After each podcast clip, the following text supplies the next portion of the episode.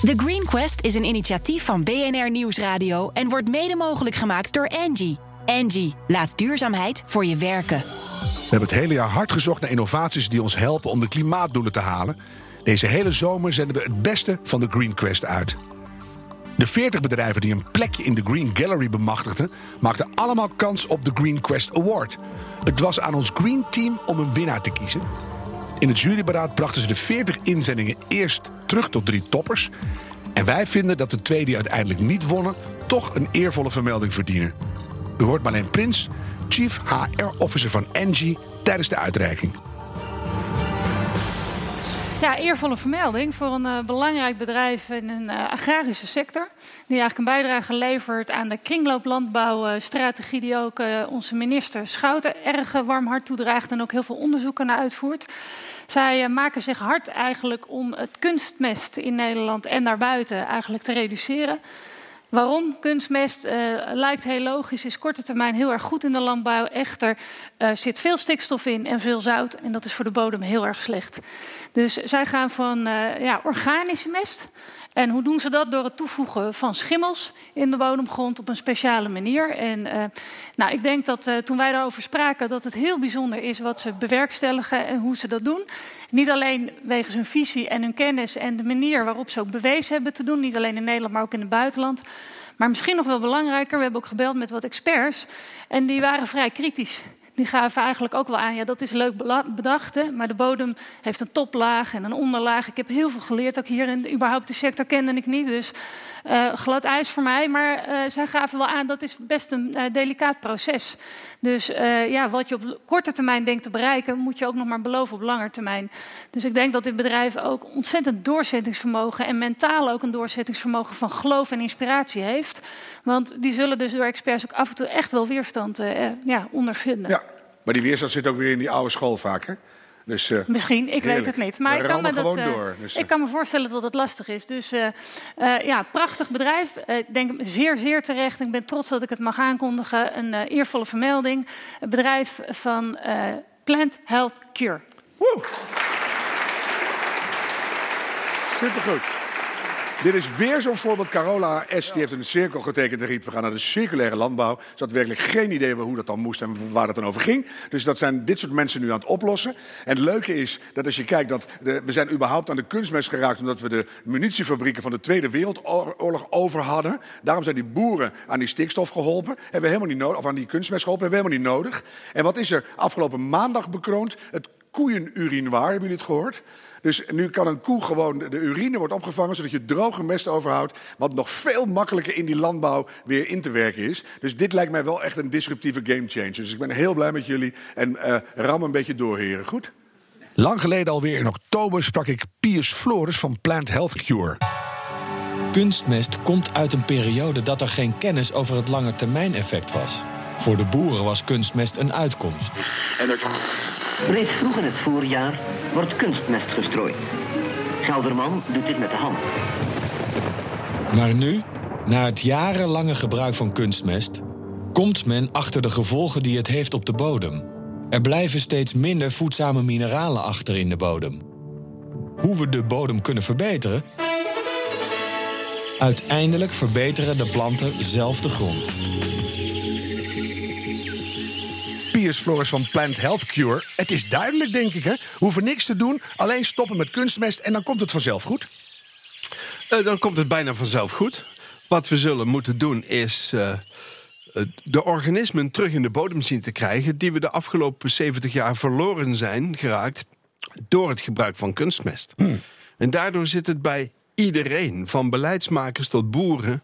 zo tussen de oren dat planten alleen kunnen groeien van kunstmest dat ze de alternatieven eigenlijk nooit gezien hebben. Nee. Jij bent ook de persoon achter de Piers Floris boomverzorging. Klopt dat? Is het daar ooit mee begonnen? Daar is het ooit mee begonnen, ruim 40 jaar geleden. Dan racen die busjes door de straat en denk je, hé, hey, Piers Floris. Ja, dat bedrijf heb ik meer dan 10 jaar geleden verkocht... om mij vervolgens helemaal en 100% op de bodem in de wereld te focussen. Ja. Jouw inzending voor de Green Quest gaat uh, uit van de stelling dat kunstmest slecht is. Hè? Hoe ben je daarachter gekomen en wat is er zo slecht aan? Nou, kunstmest is slecht om een paar redenen. Het maken van 1 kilo stikstof, en je moet je voorstellen, een, een boer strooit 100 of meer kilo stikstof per seizoen. En ehm, het maken van een kilo stikstof kost het equivalent van 1 liter dieselolie. Kijk, en als je gaat zeggen. Eh, ik strooi 100 liter dieselolie op mijn land, dan klinkt het al heel anders. Ja, niet goed. En dat kost natuurlijk een enorme CO2-belasting. Wat is er nog meer slecht aan? Dat het eh, zout is, vooral erg zout. En dat zouten is totaal slecht voor het bodemleven. Waardoor je de bacteriën en de schimmels uitmoordt die van nature ziekten tegengaan, eh, zorgen voor plantengezondheid. En als je die weer terugbrengt en je stopt met het gebruik van kunstmest, heb je ook de meeste bestrijdingsmiddelen niet meer nodig. Dus de planten worden automatisch sterker, de bodem wordt gezonder en je hebt eigenlijk niet of nauwelijks bestrijdingsmiddelen nodig. Correct. Waarom zijn we dan eigenlijk ooit met kunstmest begonnen? In die tijd hadden we de kennis niet. Überhaupt niet. De kunstmest was een uitvinding. En na, eh, na de Tweede Wereldoorlog, toen, tot de Tweede Wereldoorlog draaiden kunstmestfabrieken volop voor de munitie-industrie. Na de Tweede Wereldoorlog eh, hadden ze geen employ meer voor het spul, dus moest maar het land op. Oh ja. En sinds die tijd is het natuurlijk revolutionair gegroeid. En dankt de helft van de wereldbevolking haar leven, zijn leven aan kunstmest. Maar ja, voor die 3% bebouwbare landbouwgrond die we hebben in de wereld. Is het niet zo handig dat we per minuut een paar duizend voetbalvelden aan vruchtbaarheid verliezen? Nee, dat moeten we niet doen. D- nou is het gros van de wetenschappers het niet met je eens. Dan krijg ik een beetje het gevoel van ik heb gelijk en de rest van de wereld is gek. Nou, nee, dat, eh, ik denk dat, eh, dat dat niet het geval is. Een nieuwe inzicht, een nieuwe kennis maakt dat de boel verandert. Eh, We hebben een prachtige auto gehad, T-Ford genaamd, maar niemand rijdt hem meer. De tijden veranderen. Nee, maar die wetenschappers veranderen mee. En je kan het mij in twee minuten helder uitleggen. Dan denk ik, nou, wetenschappers die in hetzelfde veld werkzaamheid, die hebben eh, eh, hetzelfde veld werken, die hebben tien seconden nodig. Ja, maar en ja. toch vinden ze het niet. Hoe komt dat? Dat komt, ze, ze vinden het wel. En de wetenschappers die dat vinden, die het ermee eens zijn, die hebben niet het podium om dat te kunnen delen. Want eh, de industrie bepaalt welke informatie bij de boeren komt. En dat zijn niet de onderzoekers, dat is de industrie. Ja. Nou, dit podium is er nu wel, godzijdank. Nou heb jij landbouwminister Carola Schouten achter je staan. Zij wil naar een circulaire landbouw toe. En ook eh, de strijd tegen de kunstmest aangaan. Hoe bereid zijn boeren nou om daar vanaf te stappen? Weet je dat? De boeren die wij kennen, en dat is eh, in 37 landen ongeveer, die, ze hebben een enorme bereidheid om te veranderen. Maar ook zij willen duidelijkheid. Net zoals elke bedrijfsvoerder willen ze gewoon duidelijkheid hebben. En hoe krijgen ze die? Door goede informatie en goede voorlichting die neutraal is, die helder is, eh, die niet altijd eh, met iedereen meepraat, maar die wel duidelijkheid geeft over hoe de boer eh, zijn eigen productiviteit kan verbeteren. Ja, want dat was het hele idee achter kunstmest. Hè? Hoe krijgen we zoveel mogelijk van die akkers af? Nou kan dat op jouw manier ook. Jouw inzending voor de Green Quest is een integrale aanpak om van die kunstmest af te komen. Hoe ga je dat doen? Door alternatieven te bieden voor de kunstmest in de vorm van dierlijke en plantaardige meststof. Want daarvan hebben we genoeg om de wereld twee keer te voeden.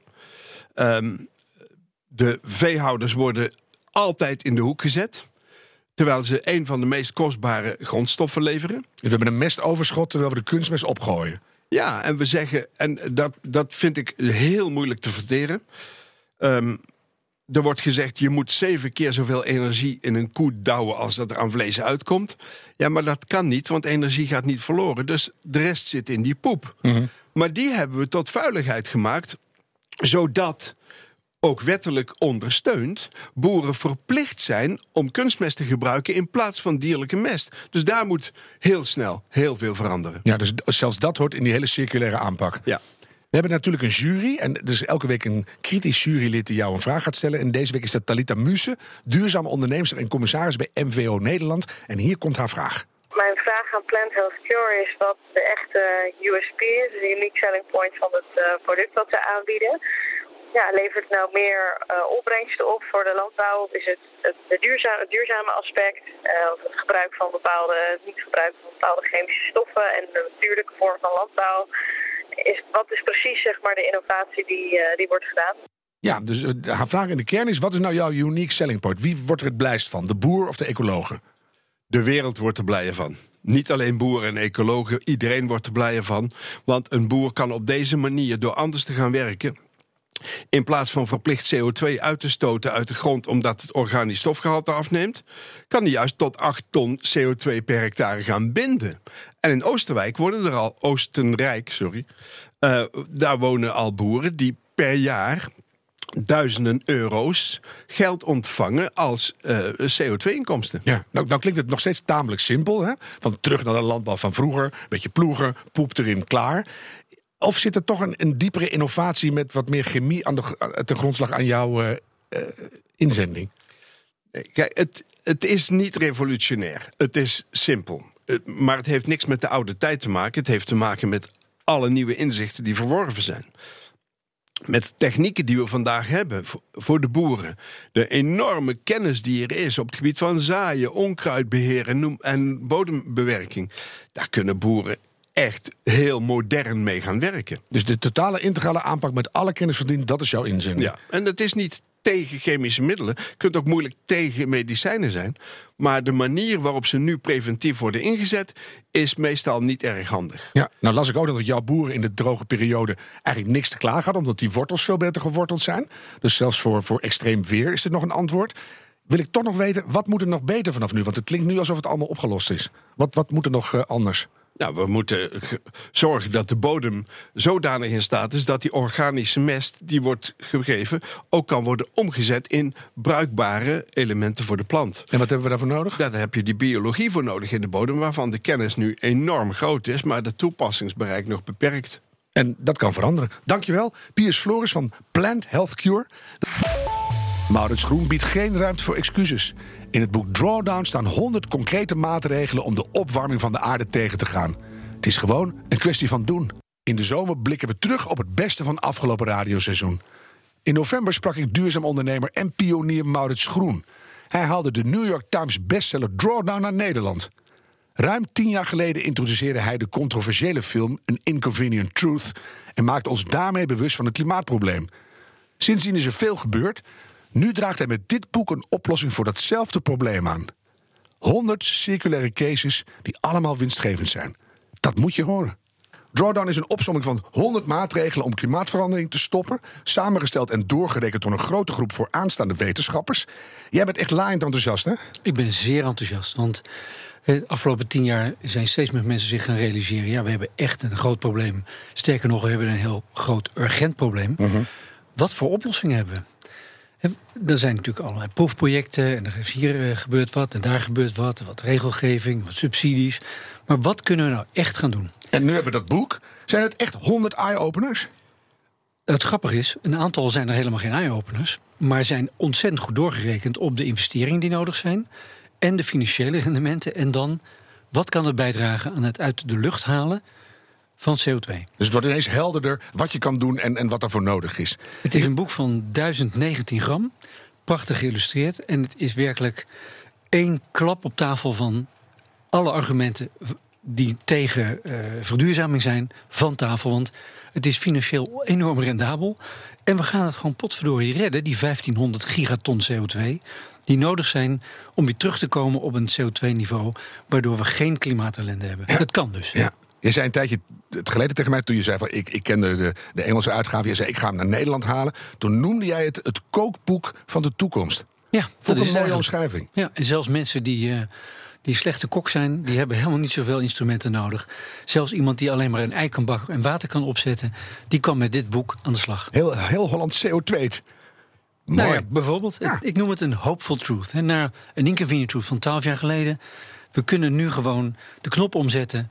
Maar we moeten het dan ook wel gaan doen. Ja, je noemde nou toch weer even die inconvenient truth.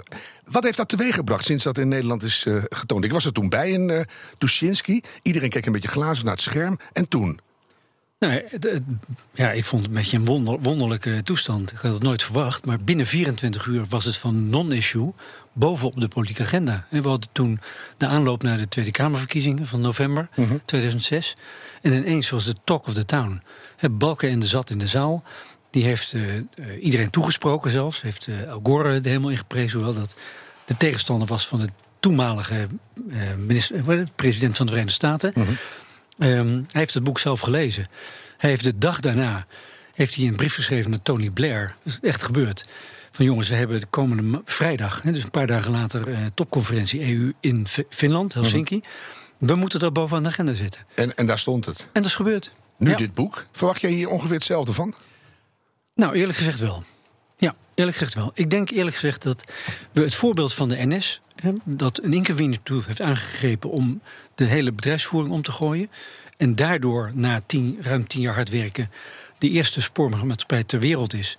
Die 100% op windenergie draait. En notabene van eigen bodem. Ja. Dat is gebeurd doordat de, de baas toen, Aad Veenman, heeft gezegd... potverdorie, wij zijn de grootste stroomafnemer van Nederland. Wij doen alleen maar bruinkool, steenkool, olie en nucleair. Wij zijn a big part of the problem. Wij moeten a big part of the solution zijn. Tien jaar later hebben we het voor elkaar. Ik hoop dat elk bedrijf nu dit boek gaat aanschaffen... om tafel gaat zitten met de medewerkers. Gaat kijken van hoe kunnen wij ervoor zorgen dat we binnen tien jaar... een part of the solution zijn. Dat kan. En alle particulieren ook. hè. Zullen we meteen het boek induiken? Er staan 100 maatregelen in. Laten we er een paar kiezen. Als eerste, jij bent al heel lang heel veel met duurzaamheid bezig. Was er toch in het boek nog een maatregel waarvan jij dacht... oeh, dat is een opvallende. Ja, zeker. De allereffectiefste maatregel is merkwaardigerwijze het ervoor zorgen dat koelvloeistoffen in koelkasten en in airco's dat die op een fatsoenlijke manier verwerkt worden. Dat hadden we toch Dat is- geregeld met die CFK's. Maar dat, eh, dat Ja, maar is- die zitten er nog in. Nog steeds. Mhm. Ze worden dus niet meer geproduceerd, zitten er nog steeds in, chemische stoffen. Dat is net zo effectief als alle windturbines bij elkaar tussen nu en 2050. Dat zijn op van die getallen. en op zee. Wauw, zijn met de, de duizenden. Gigantisch. Is al die koelkasten, koelsystemen, koelfabrieken in, in, in supermarkten en bedrijven. Daar zitten die vloeistof in. Wat Ja. moeten we daarmee? Ja, gewoon op een fatsoenlijke manier verwerken. Zorgen dat ze niet in het klimaat terechtkomen. En die manier staat in het boek. Dat kan. Dat staat erin. Tweede hele opvallende maatregel. Er zijn, dat is een mooi voorbeeld, 130 miljoen meisjes op de wereld die geen dagonderwijs krijgen. Als die gewoon net zoals wij naar school gaan, Ja. dan scheelt dat tussen nu, dat is 12 november 2018 en 1 januari 2050, 843 miljoen geboortes. Precies. Hebben ze uitgerekend. Er is geen spel tussen die, Dat is gewoon een miljard mensen scheelt dat. Dit is zo goed doorgerekend. Dat door moet je mensen. uitleggen. Omdat die meisjes scholing krijgen, gaan ze andere keuzes maken in het leven. Enzovoort, enzovoort, Het enzovoort. scheelt vier tot vijf eh, kinderen per vrouw. Ja. Is gewoon aangetoond, gewoon wetenschappelijk onderzoek. Mhm. Die, die, die meisjes die eh, gaan werken, die gaan inkomen, die gaan niet al die kinderen krijgen. Ja, eh, ik hoef niet uit te leggen wat voor een enorme. Het is de meest elegante vorm van geboortebeperking. Ja, en dan doen we er nog wat voorboedsmiddelen bij. En we zorgen dat die akkers in de derde wereld meer gaan opbrengen. En dan kunnen we die hele overbevolkingspiek eruit halen, zou je bijna denken. Ja, plus de hele klimaatvluchtelingen eh ellende. We voorkomen dat gewoon. In plaats van dat we allerlei nare maatregelen achteraf moeten gaan nemen. Staat er in het boek ook hoe we al die meisjes aan onderwijs gaan helpen? Hoe moeten we dat doen? Ja, eh, lees, lees het boek. Ja. Ehm, je moet gewoon naar het dorp. Je moet zorgen dat, eh, je- dat je goede onderwijzers hebt. Dat die een beetje redelijk betaald worden. Dat er schoolboeken zijn. Hè, dat er leermi- leermiddelen zijn. Eh, dat, dat de ouders eh, niet die mensen hoeven te missen, hè, die kinderen. Dus daar moeten we als westerse wereld ook in investeren. Samen met de United de Nations beste, en met iedereen. meest efficiënte investering die we kunnen doen. Zelfs uitgerekend dat het per ton CO2 maar 10 dollar kost om dat te doen. Dat is dan goed dat dat echt, 10 echt dollar. doorgerekend wordt. Hè? Dat soort feiten hebben we nodig. Als, anders dan, dan kan je nergens je, je verhaal houden. Noem, noem er nog eens één. Ik heb bijvoorbeeld eh, zelf een beetje gebladerd bos- en veengebieden rennen. Of eh, eh, de gebruikelijke dingen over duurzame renewable energies. Het staat er allemaal in. Hè? Het redden van het tropisch regenwoud, hè, wat op het ogenblik eh, kaal kappen voor hout, maar voor- met name ook voor het verbouwen van soja, waar we onze koeien, kippen en varkens mee voeren. Mhm. We- We vreten echt letterlijk, als ik, sorry dat ik het zeg, het Amazonegebied op. Ja. Als we dat gewoon laten staan, dan is dat net zo effectief om het klimaatontwrichting tegen te gaan als het plaatsen van alle zonnepanelen in parken, op daken, op eh, wherever. Gigantisch. Dus eh, als je dat alle twee doet, dan schiet het op. Hè? Dan schiet het enorm op. Kan je een doorvertaling naar Nederland maken? Wat kunnen we hier doen? Een voorbeeld? Nou ja, op bijna elk van die, van die voorbeelden. Van meer openbaar vervoer, eh, sol- eh, zonnepanelen op daken, voedselverspilling, hele belangrijke. Nummer drie van de, van de top 100, voedselverspilling. Gigantische effecten heeft dat. Hè. Je hebt minder landbouwgrond nodig, minder methaan. Nou, eh, ik heb, het bos kan blijven staan, bij wijze van spreken. Enorme opvallende uitkomst daarvan. De nummer drie. Wie had dat ooit gedacht? Ja, je denkt, dat dus is als we dat gewoon beter doen, Ja. ja, dan, dan, dan besparen we geld. Besparen geld. En we voorkomen een groot probleem. Is dit nou, hè, want de, de, het kookboek van de toekomst, ik denk dat het nog wat groter is. Het is bijna de, de, de duurzaamheidsbijbel die jij in je hand neemt en daarmee ram jij deuren open die vroeger gesloten bleven. Nou ja, je zegt het treffend. Het christendom heeft zijn Bijbel, eh, de islam heeft de Koran. En de duurzaamheidswereld heeft gewoon nu drawdown. Want die hadden we nog niet. Nee, er was van alles en nog wat. Maar je kon, ervan, je kon je afvragen van, klopt dit wel? Is het wel de big picture? Is er wel rekening gehouden met dat en dat? Geen twijfel meer mogelijk. Dit is zo goed doorgerekend. En het staat in samenhang en je kan het in acht categorieën doorlezen... en dan krijg je een soort drang om het ook te gaan doen. Het mooie is, het is niet een, een, er staat veel tekst in, maar er staan ontzettend veel leuke, mooie plaatjes in. Het is gewoon genoeg om door te bladeren. Ik denk dat er niemand is die het van bladzijde 1 tot bladzijde 256 gaat doorlezen. Nee. Hoeft ook helemaal niet. Dan doe je weer niks, zit je alleen maar weer te lezen. Pak de dingen erbij die jou aanspreken. Neem het lijstje erbij van wat is het meest effectief en ga aan de slag. Wat is het eerste wat jij met dit boek gaat doen? Nou ja, eh, ervoor zorgen dat dit een absolute bestseller wordt. Net zoals dat in de New York Times zo is. Dat alle bedrijven werkelijk om tafel gaan zitten. Ik heb Stientje van Veldhoven gevraagd van zorg ervoor dat al je ambtenaren het hebben. Dat de mensen van EZK, hè, Economische Zaken, Klimaat, dat ook hebben. ja. Dat we om tafel gaan zitten van jongens, wat kunnen wij hiermee doen? En, en dat kunnen we. En dat heb je vandaag verteld. Het Ik ga je enorm bedanken. Maurits Groen. De Green Quest gaat ook na de zomer door en de inschrijvingen voor het nieuwe seizoen zijn weer open. Heeft jouw bedrijf een duurzame innovatie? Meld je dan meteen aan via thegreenquest.nl. Wil je iets terugluisteren? Dat kan via de BNR-app en bnr.nl of als podcast in iTunes en Spotify. En hey, doe het duurzaam. The Green Quest is een initiatief van BNR Nieuwsradio en wordt mede mogelijk gemaakt door Angie. Angie, laat duurzaamheid voor je werken.